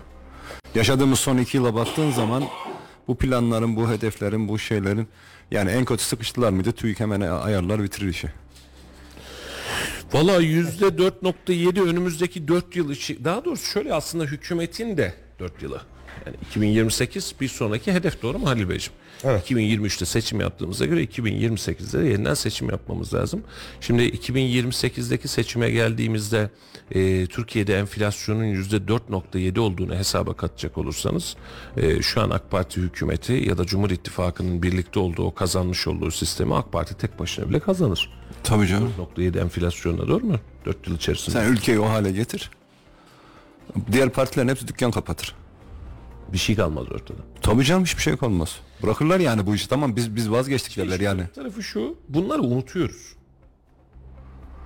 Biz vatandaş olarak da unutuyoruz. Şimdi Yani enflasyon- son, son iki yıl kala, bir yıl kala biz bunları konuşmuyor olacağız muhtemelen. Ben Mustafa'cığım e, geçenlerde bir yerde bir denk geldi bir video. 2002, 2001, 2002 yılından beri bugüne kadar e, enflasyonla ilgili verilen mesajları derlemişler. Yani videoları işte Cumhurbaşkanı ya da işte hükümet e, geçmişine çıkartmışlar. 15 kere söylemiş zaten bunu. Evet. enflasyonla ilgili. Bir şey 15 kere 2002'de söylemiş, 2005'te söylemiş, 2010'da söylemiş, 2018'de söylemiş, 20'de söylemiş, 22'de söylemiş, 20 hep aynı mesaj. Enflasyonu düşüreceğiz. Enfla ya şimdiye kadar o enflasyonun eksi 2500 olması lazım. Her söylediğinde bir, bir iki puan düşürse eksilere düşmesi lazım. Yok olmuyor yani piyasa şartları öyle götürmüyor. Ya da seni sana bırakmıyorlar. Yani şimdi bunu söylerken e, siyasette o kadar şey ki çok rahat bir şekilde hemen dış güçleri ya da işte bir başka ülkede olan ekonomik savaşı, petrol krizini, şunu bunu bahane etme şansın var. O kadar da rahat geniş bir alanda çalışıyorsun. Yani her türlü bahaneyi koyabiliyorsun Aklıma ne geldi? Ee, şu anda da o haberi buldum. Bunu yayında konuşmuştuk biz zaten. Üzerinde de iki ay konuşmuştuk hatta. 30 Aralık 2021 Perşembe günü bir haber düştü. Cumhurbaşkanlığı Finans Ofisi Başkanı Profesör Doktor Göksel Aşan bu bahsetmiş olduğumuz haber 30 Aralık 2021 yılbaşından bir gün önce. İki yıl var. E, iki yıl olmuş tam. E, bir yayına katılıyor, gündemi değerlendiriyor ve aşan kurum bu seviyelerde devam ettiği ortamda fiyat düzeltmelerinin etkisiyle Ocak ayında eksi enflasyon bekliyorum. Şubattan sonraki enflasyon önümüzdeki döneme dair enflasyon beklentisini belirleyecek dönem olacak demişti. O, o gün herhalde kafası güzeldi yani. Ettiği cümleye bak. E, bu adam şimdi ben söylemiyorum bunu Halil söylemiyor. Sen biz şimdi desek ya enflasyonu yüzde üç bekliyoruz filan desek en fazla yarın radyonun frekansını değiştirirler. Hadi lan oradan manyak. salak salak konuşuyorsun gerizekalı filan derler. Biz de bir daha dinlemezler en fazlası bu olur yani. Yani biz bir daha bu işi yapamayız. Şimdi bunu söyleyen adam Cumhurbaşkanlığı Finans Ofisi Başkanı Profesör Doktor Göksel Aşan. İki yıl önce. Ocak ayında enflasyon ne olmuş? Bakalım. Aylıkta yüzde 11.10, yıllıkta yüzde 48'i bulmuş. O dönem itibariyle enflasyon. Bak şu anki aylık artışımız bile yüzde 11 değil doğru mu Halil? Şimdi tahminde bulunuyorsun. Biri bir tahminde bulunuyor. Biri bir hedefte bulunuyor. Bunu çok konuştuğumuz için ben yeniden şimdi haberi hatırlayıp çektim. Eksi enflasyon diye bahsediyorsun. Ortaya bir malzeme atıyorsun ve senin adın Cumhurbaşkanlığı Finans Ofisi Başkanı. Yani işin başına getirmişler seni. Finans ofisinin başına getirmişler Cumhurbaşkanı. Bugünün parasıyla en kötü herhalde 100-200 para alıyorsundur, maaş alıyorsundur falan geçtik bu kısmı. Profesörsün. Tablo bu çıkmış. Şimdi bu dönemin sonrasında biz Nurettin Nebati dönemiyle şenlendik. 6 ay gözümüzü açsak kapatsak dedik. Dolar dedik. Üzerimiz vesaire dedik. ışıl ışıl oldu. Işıl ışıl baktık. Döndük o dönem hatırlıyor musunuz sevgili dostlar? Dolar kuru yükselmeye başladı. 18'i buldu. 18'den 11'e 12'ye kadar düştü. Ya bir Trump'a yaptılar orada. Onun da altına düşecek göreceksiniz. Dolar alanlar, faiz lobisi, Amerikan uşakları vırtlar zırtlar. Ya bir daha hiç düşmedik. Düştü mü? Biz 18'den 12'ye çekmek için gece yarısı iğne deliğinden geçirilmiş çok net bir operasyon. Yani böyle böyle bir operasyonu herhalde biz genelde yapsak dünya lideri oluruz. Çok net bir operasyon. Yani borç sistem kilitlendi, mesai dışı, piyasa kapalı iken bir karar alıyorsun, tak tak düşüyor, millet elindeki patlıyor, panik satışları vesaire kocaman bir balon işin içerisinde. Biz kaçtı? 18. 18'den nereye düşürdük? 11-12. Baskıladık. 3 milyar dolar, 5 milyar dolar satış yap. Ver Allah gözüne, ver Allah gözüne. Şu an itibariyle dolar 28 lira. 27.90. Şimdi bak. Mant şimdi geçmişte yaşananlar bize referans oluyor. Şimdi Halil bana diyor ki dün yarın sabah yayında e, biz şöyle yapacağız ve ben şu saatte geleceğim ve ben şunları anlatacağım. İkinci gün, üçüncü gün ve bunu sürekli yapmıyor. Ne hissedersin? Halil artık yayınla alakalı bir şey söyleme. Geliyorsun yapıyorsun işte bak bu dediklerinde konuşmuyorum biz de dersin misal. Doğru mu? Var mı daha ötesi? Yani referans bu değil midir abicim? Şimdi insan hata yapar mı? Yapar canım. Yani ülkeler de hata yapar, hükümetler de hata yapar. Bundan yani sıkıntı yok. Ama bunu o kadar seri hale getirdik ki. Şimdi de işte biraz önceki konuştuğumuz hadise 12. kalkınma planını gerçekleştiriyoruz. Ortaya bir hedef koyuyoruz. Canım abicim e, hedefi tutturursan ellerinden öperim. Ama herhalde şu an bizi dinleyenler de ortalama olarak aynısını düşünüyor. Bu hedefi bu politik mali yapıyla, bu liyakat yapısıyla birazcık tutturmamız zor gibi. Yani zorun ötesinde zor gibi. Ya az önce dedim ya TÜİK bir açıklama yapar, bir hesaplama yapar, tutturdukları geçerler. Çünkü bunu son iki yılda yaşadık. Yani enflasyon 3'e katlamış, 5'e katlamış. Adamlar 165. Tamam herkes kabul etti. Yani millet niye kabul etti arkadaş? Yani 1 liraya aldığın şeyi 3 liraya alıyorsun diyorlar ki enflasyon yüzde 20. Yok artık. Ya bu kadar mı gözümüz kapalı ya? Evet. Bu kadar mı ses çıkartamıyoruz kardeşim? Sen neyden bahsediyorsun? Yani çıkartmaya çalışanların da zaten tepesine tepesine vuruyorlar da. Ahlaksızlar. Neyse. Siz devam edin abi. Yok zaten sesini çıkartanlar da benim daraldığım nokta da o. Şimdi insanlar yanlış yapar problem değil. Şimdi şöyle düşün. Ee, bizim yayınımızı birileri sevmiyor ya da birileri rahatsız oluyor. Telefon açıyorlar telefona bakmıyorsun laf söylüyorlar. Bir de kafirler gavurlar diyorsun. Faiz lobisi diyorsun. Sen diyorsun vıt diyorsun zıt diyorsun. Tepesine basıyorsun. Şimdi e, faiz sebep enflasyon sonuç düzlemini çıkarttığımızda ortaya çıkan insanların neredeyse kellesini aldık. Vatan haini ilan ettik. Gerçekten vatan haini ilan ettik. Şimdi birileri dedi ki bu bir teoriydi. Faiz sebep enflasyon sonuç bir teoriydi doğru mu? Birileri dedi ki bu teori tutmaz dedi. Şimdi sen bir teori ortaya atıyorsun. Birileri de bu, bu teori tutmaz diyor. Bunun gerçekleşme durumu nedir? Yaşarsın ve görürsün. Yani o yaşama süresi. Biz yaşama süresini beklemeden hepsini ö, kaka, leş, iğrenç filan diye ilan ettik. E şimdi bakıyorsun politikayı biz değiştirdik hiç ağzımızı açmıyoruz. Peki o gün niye konuşturmadık biz bu adamları? O gün niye tepelerine tepelerine vurduk? Bir takım gruplar tarafından o gün niye en istenmeyen adamlar ilan edildi? Doğru mu Ali? Yani şimdi adamlar konuşsun. Sen de bildiğini yap ben bunda değilim. Yani çünkü sen ortaya bir şey attın, başarmış olsaydın dünya tarihine geçerdin. Bu bu politikayla dünya tarihine geçerdi. Ya hakikaten bak adam başka bir şey düşünüyormuş filan da başaramadık. Zaten bilimsel olarak mümkün değildi ama belki sen bir şey biliyorsun diye biz sana da güvendik yani. Bir, bir şey de başaramadık. Vardı ya bilmediğimiz şeyler var. Ha. Yokmuş yani bilmediğimiz şeyler yokmuş. Şimdi de dönüyorsun bakıyorsun o adamlar kötüydü. Şimdi hiç sesimi mesela FETÖ dönem öncesinde de. Şimdi FETÖ dönemi öncesinde Kemalistler kötüydü, Atatürkçüler kötüydü, Demokratlar kötüydü. FETÖ döneminde başka bir grup kötü olmaya başladı. Abi bu bugün sana kötü, yarın bana kötü değil mi? İyi iyidir, kötü kötüdür doğru mu? Vatanını satıyorum bu adam ona bakarsın. Vatanına ihanet ediyorum bana bakarsın. Tabii ki farklı fikir olacak canım. Seninle aynı şeyi düşünebilir mi adam? Düşünmemeli de zaten. Bir şey diyordun lafını kestim Ali'cim. Biraz önce söylediğin hani 12. kalkınma planını artık yapacak mı? Kafada soru işareti var. Aslında işte bir ülke için en tehlikeli kısım bu devletine, milletine, hükümetine, devlet evet. demeyeyim de hükümet diyeyim daha doğrusu devlet başka bir şey, hükümet başka bir şey. Hükümetine güvensizlik. Biz burada yatırım yapan bir fabrikatör değiliz. Biz burada finans yöneten milyon, yüzlerce milyon dolar ya da milyar dolarlar yöneten bir e, fon şirketi değiliz.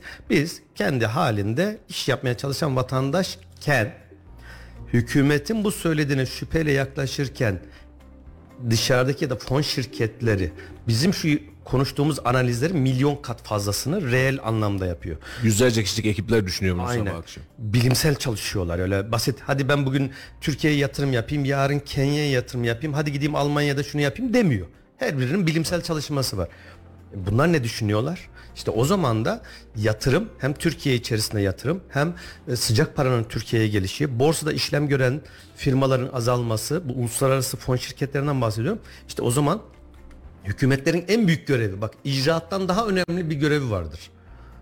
İstikrarı ve güveni sağlamak. Güveni sağlamadığın Parti sürece hükümetinin Kemal Derviş ekonomisinden sonraki ülkeye getirdiği en önemli hadise güven vermekti.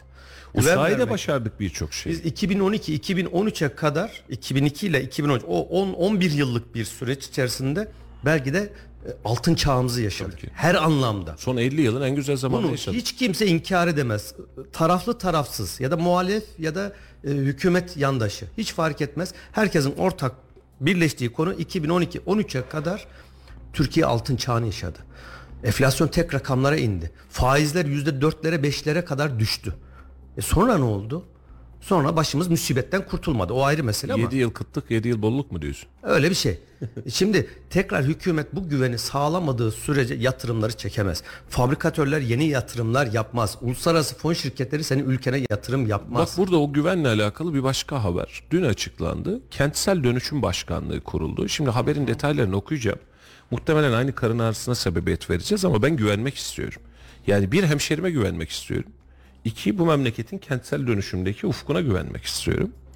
Türkiye'nin yapı stoğunun yenilenmesi için Çevre Şehircilik İklim Değişikliği Bakanlığı'na bağlı faaliyet gösterecek olan Kentsel Dönüşüm Başkanlığı Cumhurbaşkanı Recep Tayyip Erdoğan'ın imzasıyla resmen kuruldu. Karar resmi gazetesinin bugünkü sayısında yayınlanarak yürürlüğe girdi. Kentsel Dönüşüm Başkanlığı altında biri Marmara'ya özel olmak üzere 3 ayrı genel müdürlük oluşturuldu.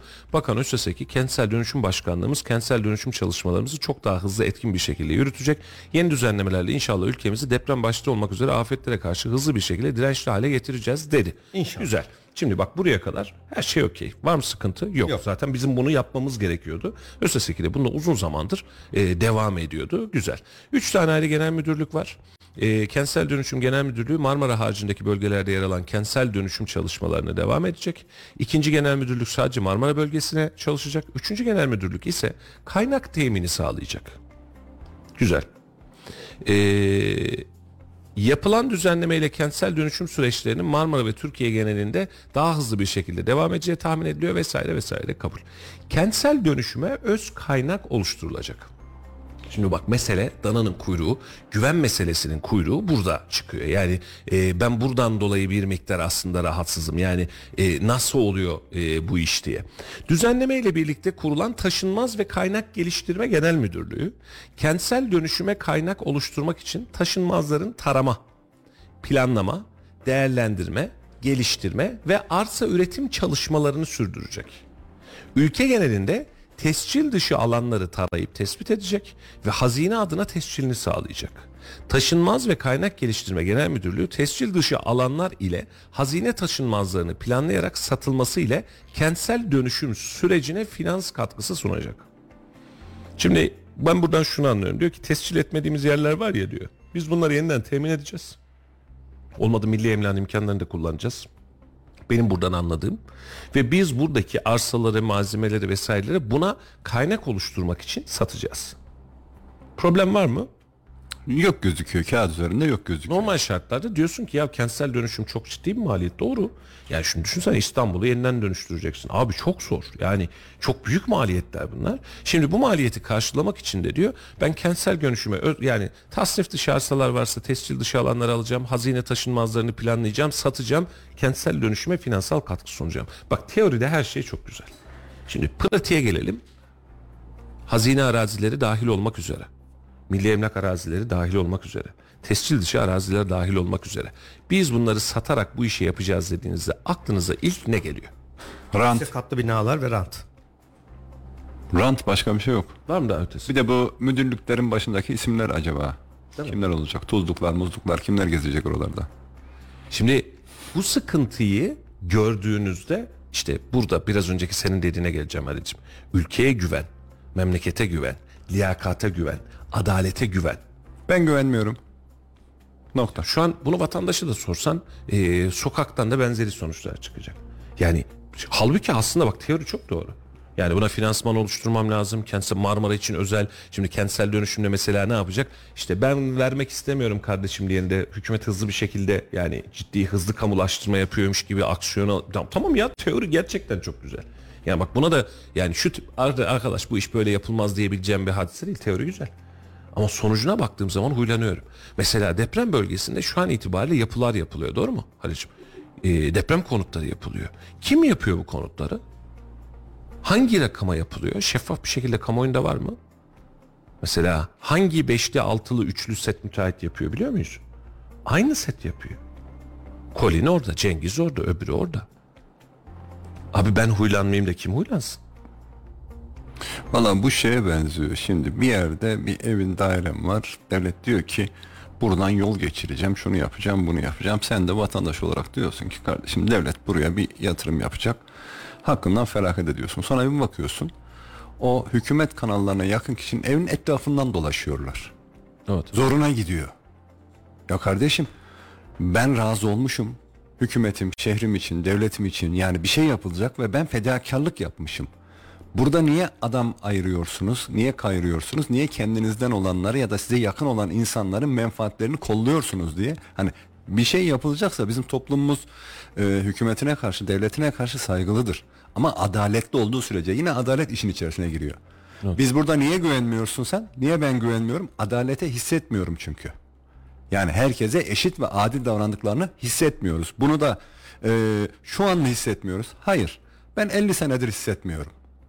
Bu sadece şu anki mevcut hükümet için söylemiyorum. Evet. Yönetim için başa geçen insanların hiçbirinde gerçek liyakati görmediğim için hissetmiyorum. Valla işte e, burada darlanıyoruz. Ben burada e, Halil'in biraz önceki söylemiş olduğu yani e, güven ekonomisi mesela ekonomide de aynı hadise. Ben güvenirsem yani evet ya enflasyon düşüyor dolar bu miktarda kalacak ben ticaretimi buna göre yaparım. Güvenmediğim zaman saçmalamaya başlıyorum. Ha anlık karlar çıkıyor. Mesela otomotiv sektöründe yaşandığı gibi.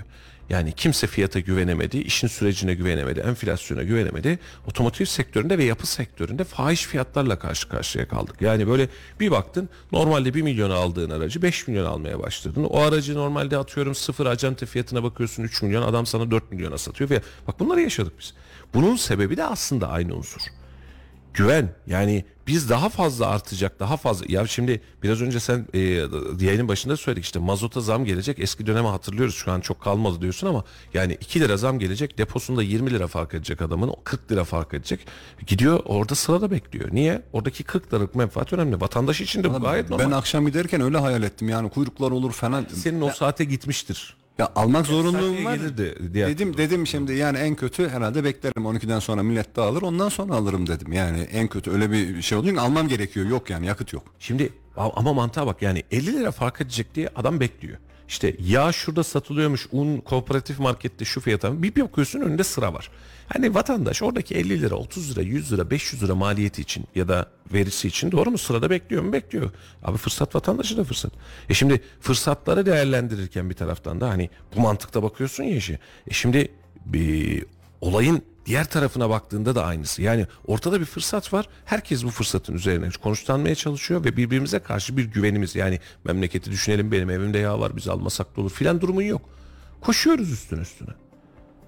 Ekonomideki gayet, güvensizlik. Mustafa'cığım bu gayet normal bir şey yani. Tabii. İnsan olarak bu davranışı yapmaları çok doğal. Ekonomideki güvensizlikte araba alana kızdık biz. Ya adam bir de sıfır, ala, sıfır araba aldı üstünden bir sürü para kazandı. Adam kazandı ben kazanamadım. Sonuca bak bugün itibariyle. Adam kazandı mı? Kazandı. Ben kazanamadım. Ben bundan iki önceki aracımı alırken bir arkadaş dedi ki abi 5 lira 10 lira ver üstüne kredi çek sıfır araba al dedi. Abi şaka mı yapıyorsun dedim. 3 tane al 5 tane gücün neye yetiyorsa al kredi neye yetiyorsa al dedi. Biz yapmadık. Adam yaptı. 300 bin aracı aldı 1 milyon 300 bine sattı. Böyle bir kar nerede var? Hiçbir yerde yok. Şimdi adam mı doğruydu biz mi doğruyduk? Adam doğruymuş. Fırsata değerlendirmiş. Ama bu fırsatı ortaya çıkartan şey de baştaki konuştuğumuz hadise. Güven yok. Kentsel dönüşümle alakalı bir daire başkanlığı kuruyorsun. Cumhurbaşkanı kararnamesiyle açıklıyorsun. Her şey okey. Diyor ki bak ben Marmara'da bunu yapacağım, burada bunu yapacağım. Tamam. Ben ne kadar güvenebiliyorum sana? Mesela yarın bir gün Marmara'da şu çıkacak mı? Ee, belediyenin elinden yetkileri almış olacaklar mı? Kentsel dönüşüm daire başkanlığıyla. Evet. Belediyenin hareket alanını kısıtlayacak mı? Evet. Belediyeyi kazandık ya da kazanmadık. Rantı ya da buradaki süreci ben yöneteceğim demiş oldu mu? Evet. Peki burada evraklar, kağıtlar, kürekler, tanıdık işleri dönmeyecek mi?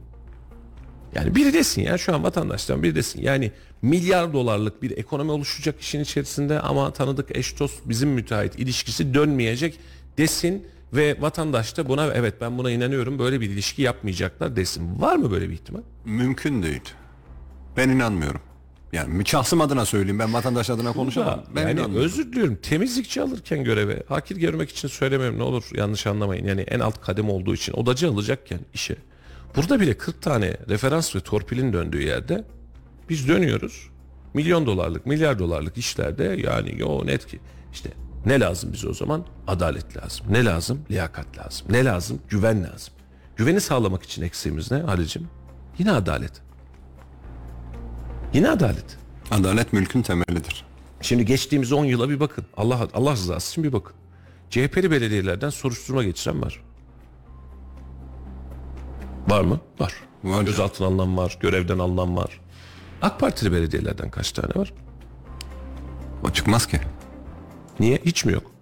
Yok. Bir tane Antep İslahiye'de belediye başkanı gözaltına alındı. O da müteahhit olduğu için yaptığı binalardan bir tane misin? İki Yıkıldığı tanesi için. yıkıldığı için. Şimdi Görevi icabı değil. hiç mi kil yok üstünde ya?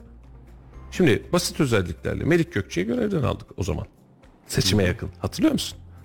İstanbul görevden aldık. Seçimden önce. Yani kimse görevden aldık çünkü burada şu sıkıntı vardı filan demedi. Yok gördüğü lüzum üzerine. Bizim meşhur neydi şu kadın bakanımız vardı ya bir sürü giriş çıkış yaptırmış bilmem bir şeyler olmuş. Maske ve cartçut vesaire hadisesinde. Ha evet. Pandemi zamanındaki şu me- müthiş hikayeler olan ya Çalışma Bakanı mıydı? Neydi o bir şey bakanıydı? Bir şeydi. Adını bile unuttuk yani. Sonucundan kimsenin haberi yok. Erdoğan Bayraktar vardı bir dönem Çevre Şehircilik Bakanı hatırlıyor musun? Çıktı bir sürü bir şey söyledi o 17-25'lerde filan. Bir şey yok. Hiç suçlu yok. Şimdi ben de burada şunu sorarım. Ya peki kardeşim bununla alakalı soruşturma açtın mı? Süreç takip ettin mi? Yargılama yaptın mı? Suçlu mu? Da beli- suçsuz mu? suçsuz mu? İlla belediye başkanının suçlu olmasına gerek yok. Oradaki bir daire başkanı bir şey yapmıştır. O bile suçsuz. Bu kalkanın altındaki herkes suçsuz. Şimdi ondan sonra dönüyoruz. Ortada bir veri var, bir malzeme var. Birileri hareket edecek. Trilyonluk, e, milyar dolarlık işler ortada dönecek. Ve diyeceğiz ki herkes çok temiz. Bak ne kadar da güzel yaptık. Ya depremin inşasında bile biz bazı müteahhitleri sadece alana çekerek aslında ne kadar taraflı ve ne kadar hangi mantıklı iş yaptığımızı göstermiş olmuyor muyuz? Yani bu rahatsız edici değil mi? Bence rahatsız edici. Bundan rahatsız olmuyoruz efendim. Biz böyleyiz e, demek de sizin elinizde. Ama ben bir vatandaş olarak işin açıkçasını söyleyeyim. Adaletin olmadığı yerde bu tür hiçbir şey olmasa bile, gerçeği olmasa bile söylentisi ve güvensizliğinin rahatsızlık halinde olacağını kanaatindeyim. Sayın Öseseki'ye bunu daha önce anlatmıştım. E, maçtaydı, Kayseri Spor maçındaydı. Böyle bir arada muhabbet edesimiz oldu.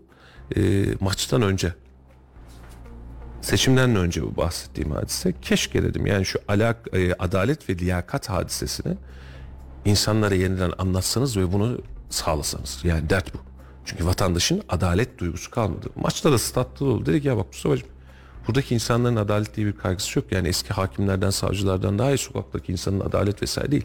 İşte bunun özeti dedi işte Osman Kavala gibi işte Selahattin Demirtaş gibi bunları e, takılanlar adalet adalet diyor. Yani tartışmaya girecek vaktimiz de olmadı ama bahsettiğimiz adalet e, Demirtaş adalet falan değildi. Osman Ya ben onları tanımam etmem. Ben adalet istiyorsam yani onları tanımak zorunda mıyım ya da onların onları mı savunmuyor olmalı? Burada da açık söyleyeyim yani bak e, hukuki süreçlerin hiçbirine vakıf değilim. Onun için ne savunabilirim ne tersini söyleyebilirim bilmiyorum. Bilseydim söylerdim. Ama orada da adalet lazımsa evet ona da adalet. Adalet herkese lazım. Ama adalet dediğim mekanizma ben sadece mahkeme karşısındaki adaletten bahsetmiyorum. Yani ben gittiğim zaman işte Halil'le kavga etmişim mahkemeye çıkmışım. Sadece bu değildir adalet ya. Or- Adalet orada bir sıkıntı yok zaten. Hakimlerimiz orada gerekli kararları veriyorlar. Yani vatandaş ikisinin arasında alacak verecek davası oluyor. O, o, o adalet zaten yürüyor. Biz o mekanizmadan bahsetmiyoruz. aynen öyle. Ülkenin adaletinden bahsediyoruz. Şimdi e, diğerine sesini çıkarken kendi içerisindeki yanlışa, sıkıntıya vesaire adalet uygulayabiliyorsan adalet var. Yoksa adına adalet dersin başka da bir iş kalmaz. Mahkemeye düşmemiş adalet lazım bize. Aynen. Mahkemeye düşmeden adalet cümle. lazım. Güzeldi, hakikaten güzeldi. Şimdi E, son bir notta da kapatmak istiyorum e, izninizle. 56 ilde kafes operasyonu 150 kişi yakalandı. İçişleri Bakanı Ali Yerlikaya 56 yılda kafes operasyonu kapsamında mali suç örgütleri üyelerine karşı eş zamanlı olarak düzenlenen operasyonda şu ana kadar 150 şüphelinin şahsın yakalandığını belirtti. Operasyonlar devam ediyor dedi. Sayın e, eski İstanbul Valisi şimdiki İçişleri Bakanı Ali Yerlikaya aldığınız gücü takdir ediyorum ve özellikle suç örgütleri, mafya örgütleri, uyuşturucu örgütlerine karşı yapmış olduğu başarılı operasyonları ve kazıma operasyonlarını takdir ediyorum. Devamı güzel olsun. Ee, ilginç bir şekilde Türkiye operasyonlarla hareket ediyor. Bunlar da herhalde seçimden bu tarafa türeyen örgütler filan değil. Bunu e, söylemeye ve anlatmaya gerek yok. Birileri söylerken kızıyorduk ama herhalde tuttu yani bu iş ki e, birileri de bunu fark etmiş olmalı ki ha demek ki durum böyleymiş dedi. işi toparladı. E, başarılarınızın devamını diliyoruz efendim. Yani e, inşallah memleket için olumlu işler, olumlu süreçleri hep beraber görürüz. Çünkü bu ülkede suç örgütü görmek değil tam tersine e, adaleti sağlanmış temiz bir toplum görmek. Uyuşturucusundan mali suçuna vesairesine, ihale mafyasına, A'dan Z'ye hepsine tertemiz bir toplum, tertemiz bir Türkiye görmek bizim en büyük e, hayallerimizden biri olsa gerek. İçişleri Bakanı'nı şimdilik bu başarısından dolayı tebrik ediyoruz. Devamı gelirse canı gönülden yeniden tebrik etmeye Ya- devam ederiz. İlginç olan bir şey var. Şimdi e, bu şu anda mücadele edilen, mücadele edilen örgütler oluşurken e, bunların oluşumunda e, söz sahibi olan ya ne bileyim işte iç işlerini sağlayan insanların da başka işlerle mücadele ettiğini, terörle e, mücadele ettiği dönemlerde onları alkışlıyorduk. Evet. Yani şimdi şey gibi geliyor bana sanki hani bir iktidar bir şey deviriyorsun yerine kendi organizasyonunu oluştur. İçimden böyle bir his geliyor. Yani sanki birileri şu an için böyle görüyoruz ama şimdi bundan 5 sene sonra bir başka insanlar bir başkaları bir şeyleri yönetirken yani onlar da bir şeyleri eğer kazıyacaklarsa yanlışa gidiyoruz. Yani onlar da bir şeyleri kazımaya başlayacaklarsa bir yerlerde taviz veriliyor demektir. İşte bak biraz önceki söylediğimiz yer çok güzeldi Ahmet Bey. Adalet. Hepimiz için adalet. Suç suçtur, suçlu da suçludur. Bu kadar basit. Var mı suçun başka tanımı? Mali bir örgüt ya da uyuşturucu satan, üreten, tüc... Bu suçtur abi. Suçun da tanımı bellidir yani. Adam cinayet işlemiş, suçtur. Darp etmiş, suçtur. İhaleye fesat karış, suçtur. Ya adalet aslında çok şeffaf. Ama biz işte o adalette kanunda yazandan çok hani dinde de böyle yapıyoruz ya Kur'an'da yazandan çok e, bizlere uydurma ya da e, sahih kaynak olmayan gelen hadisler üzerinden bir amel işlemeye çalışıyoruz ya abi adalet belli suç suçtur yani. Sen şimdi diyorsun ki ya ama işte başta söylediğimiz yani çalıyor ama yok böyle bir dünya suç suçtur nokta. Yani çalıyorsa çalıyordur kardeşim çalıyorsa Yani bazı yorumlarda hırsızdır. bazı yorumlarda geliyor işte ihtiyacı var ki almış diye. Böyle bir Yani şey yok. Çalmışsa hırsızdır. Var mı ötesi kardeşim? Bu kadar. Nokta. Hizmet üretiyorsa hizmet üretiyordur. İşini yapıyorsa işini yapıyordur. Takdir edilecektir. Tamam itiraz yok. Yani yanlış yapıyorsa, çalıyorsa, çırpıyorsa, adaleti sağlamıyorsa yani İşte bunun küçüğü büyüğü yok. Eskiden derlerdi ya işte bir simit hırsızlık bir öpücük diye giderdi yani. Aynen öyle. Efendim mevcut gelirlerle ev almak mümkün mü diye sormuş Laf Sokak'ta ekibi sokağa konut satışları Eylül'de yüzde dokuz buçuk azalmış ve Kayseri'de toplamda 2497 adet konut satılmış. Eviniz var mı? Mevcut gelirlerle ev almak mümkün mü diye sokağa sormuş. Mevcut gelirin tabii ki takribi de önemli. Yani mevcut gelirin ne kadar mesela? İşte Ahmet Bey emekli ücretiyle, emekli maaşıyla mevcut gelirini hesap edecek olursan 10 bin lira. 10 bin oldu mu? Evet. Ha seninki yüksek doğru az şeyden gelip Ben, ben, ben çok para dün, dün, dün, ederim. dün gece saat 12 120 12 bin lira çeyrek- 10 12 yılda 1 milyon 200 bin e 20 yemese yılda. içmezse orta hali 15 yılda orta hali bir çocukları sizin üzerinize geçireyim siz bakın. o parayı olduğu gibi biriktireyim. Hayır maaş için çocuklar bize onu anlamadım ben yani. Ha şimdi Sana ev alsak çocuklar sende kalsa bak. hesap, hesap yapılırken öyle yapılıyor işte yemezsen içmezsen falan. Devredeyim dedim noterden mi? ya akşam arabanı depoyu doldur. Depo a- a- arabanın mecburen hani çocukları götürüyorsun getiriyorsun. Servise versen de aynı paraya hatta daha fazla para vereceksin. Üç tane çocuk okula gidip geliyor. Ee, biz Servis kend- deyince benim aklıma direkt yeni sanayi geliyor. Neyse. Yo okul servisi. Şimdi biz kendimiz götürüp getiriyoruz. Aynı miktarda yakıt tüketiyorsun. Abi maaşın dörtte biri gitti işte yani arabanın deposunu doldurdum. Bir ay çocuklar gidecek gelecek. Çocuklara yani o sonuçta biz gezip tozmuyoruz herhangi bir yere böyle okul ve herhalde arabaya şey taksak bu GPS, MPS şey taksak araba kendi kendine gider gelir. Çünkü sürekli okula gidiyor eve geliyor, okula gidiyor eve geliyor. Başka hiçbir yerde böyle özel gezmemiz yok, bilmem bir şey yok. Bir yerlere gidemiyorsun. Sadece Ahmet Bey 10 bin lira maaş alıyorsunuz lütfen rica ediyorum ya. Yani sürekli buradan sıkıp buradan yemek olmaz ki. Tamam. mı götüreceksin? Aynen öyle ya. Bu bu çocukları 10 bin lira? üstümüze devredecek az daha. Az değil de. Bugün bugün de mal varlığımızı açıkladık. 10 lira yani o kurtarır işi. Bugün bugün de mal varlığımızı açıkladık Allah'a şükür. Efendim Laf Sokak'tayla günü tamamlıyoruz. Gününüz güzel geçsin, keyfiniz bol olsun. Hayırlı haberler alacağımız, memleket için, kendimiz için, ailemiz için, e, Rabbim için çalışacağımız, emek vereceğimiz, ter akıtacağımız ve helalinden para kazanacağımız bir günde Rabbim her birimize, hepimize ayrı ayrı nasip etsin inşallah. E, Laf Sokak'ta mevcut gelirlerle ev almak mümkün mü diye sormuş. Laf Sokak'tayla sizi baş başa bırakıyoruz. Yarın yine aynı saatlerde bir arada olmak üzere efendim. Kendinize iyi bakın, hoşçakalın. Hoşçakalın. Hoşçakalın.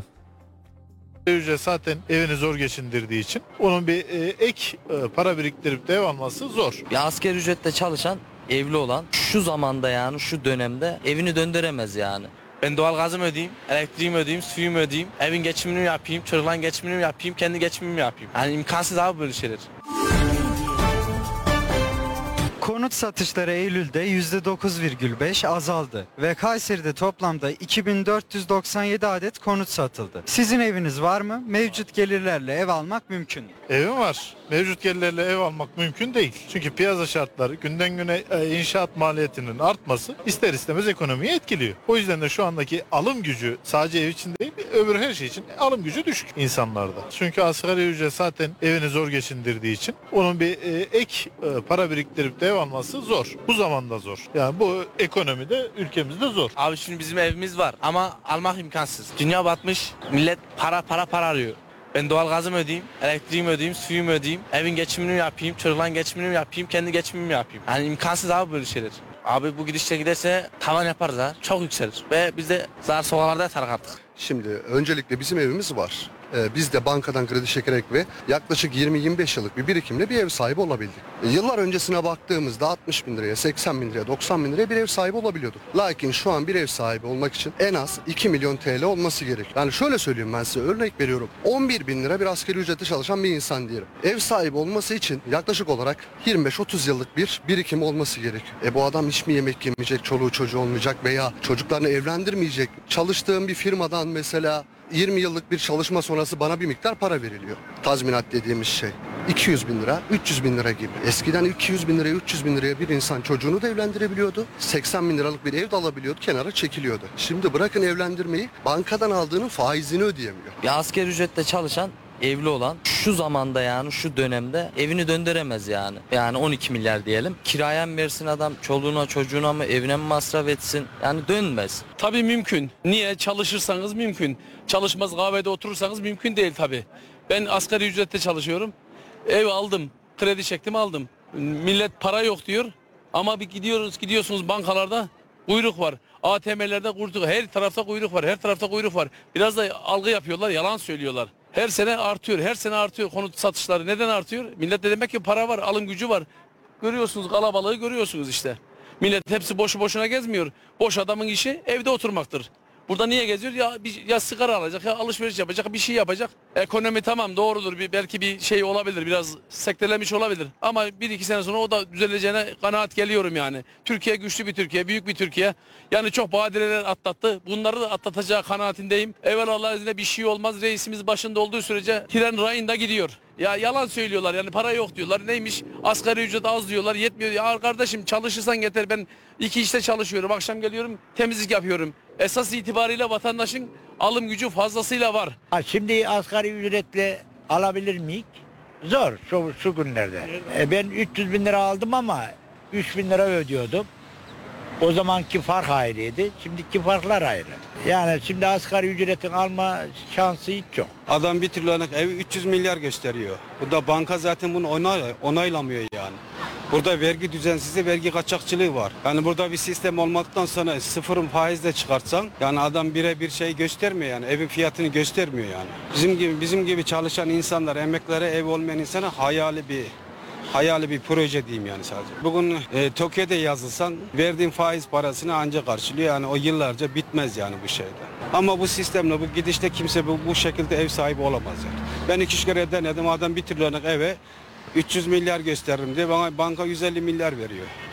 Çünkü vergi benden alıyorsa müteahhitten de herkesten de yüzde yüz alması lazım yani.